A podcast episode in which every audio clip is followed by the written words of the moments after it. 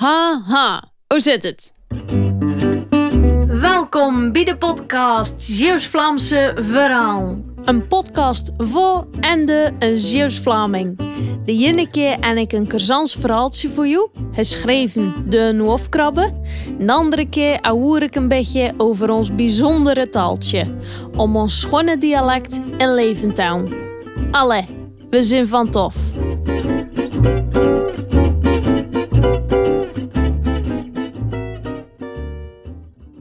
Ja, Pitt is gaan gaan fietsen vanzelf, hè?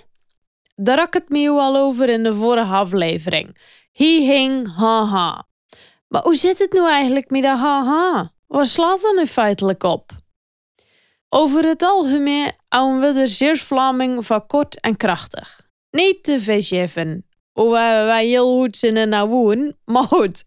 Gewoon een beetje deur doen. Niet te vossen, hey. Wij hebben dit er moet gezaaid worden, of gedossen, of gespoten, of, of ja, de jun, de herpels of de beet moeten worden gerooid. Je kent het wel. Hup, hup, snel, snel. Heel veel letters slaan we er daarom ook in. Dan worden ze nog korter en gaat het, jawel, nog sneller. En de, hup. Maar daarom is het toch eigenlijk heel gek dat Pit is ha, ha, fietsen. En eigenlijk nog gekker als ik zeg Pit, ha, gaan fietsen. Want wat zegt die tweede ha nu niet wat die eerste ha wel al zegt? Of anders, wat zegt die tweede ha nu wel al wat die eerste ha nog niet zegt? Het is verwarrend. Kijk, ik ga het je net leggen. Het zou je waarschijnlijk niet verbazen als ik zeg dat dat dubbele H uit het Vlaams komt. Daar is er wel een handje van om alles dubbel te doen, want dat is hetzelfde met kik. Kennen kik. Dat is drie keer. Maar goed, ander verhaal. Er zijn daar verschillende onderzoeken naar gedaan, naar dat dubbele HH. En sommigen zeggen dat er wel degelijk verschil zit tussen die eerste en die tweede H. In ieder geval vroeger, zoals het ontstaan is, toen dat begonnen zijn met dat te zeggen. Nu is dat denk ik wel wat anders. Maar goed, het verschil dus. De H is afgeleid van zon, uit het Frans van sera, hè, dat staat voor zal zijn, dat de toekomende tijd aangeeft. En die andere H van, van H, uh, van het Franse va, en dat is gewoon gaat. De keer had dan gaan dus meer over de toekomst, wat dat er dan gaat gebeuren.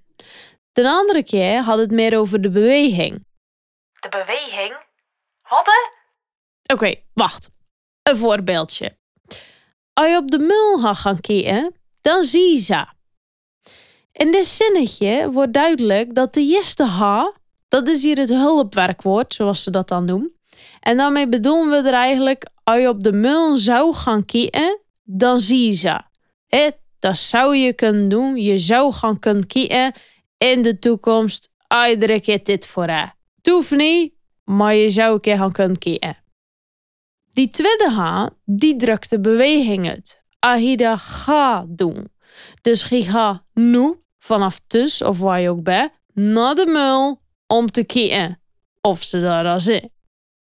Kijk, nu klinkt dat voor, voor jou en mij klinkt dat heel erg logisch.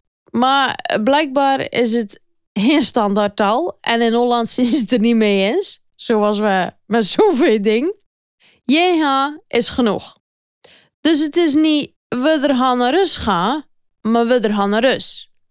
En ook niet je er gaan net gaan eten, maar je er gaan net eten. En dus ook niet, hoe de boot gaat niet gaan varen. Oh nee, dat is vanzelf gewoon, hoe de boot vaart niet. Allee, genoeg gegaan. Ik ga er van de gaan. Ga je nu nog een afleveringetje gaan lusten of ga je ook nog wat gaan doen vandaag? Hè?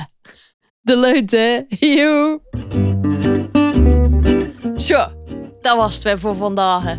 Ik hoop dat je weer echt genoten van dit Zeeuws-Vlaamse verhaaltje. Ik zou het leuk vinden als je even laat weten wat je ervan vond. En abonneren op deze podcast kan ook.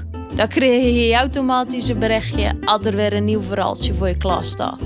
En voor nu, bedankt voor het lusten en uh, de naastigheid hè.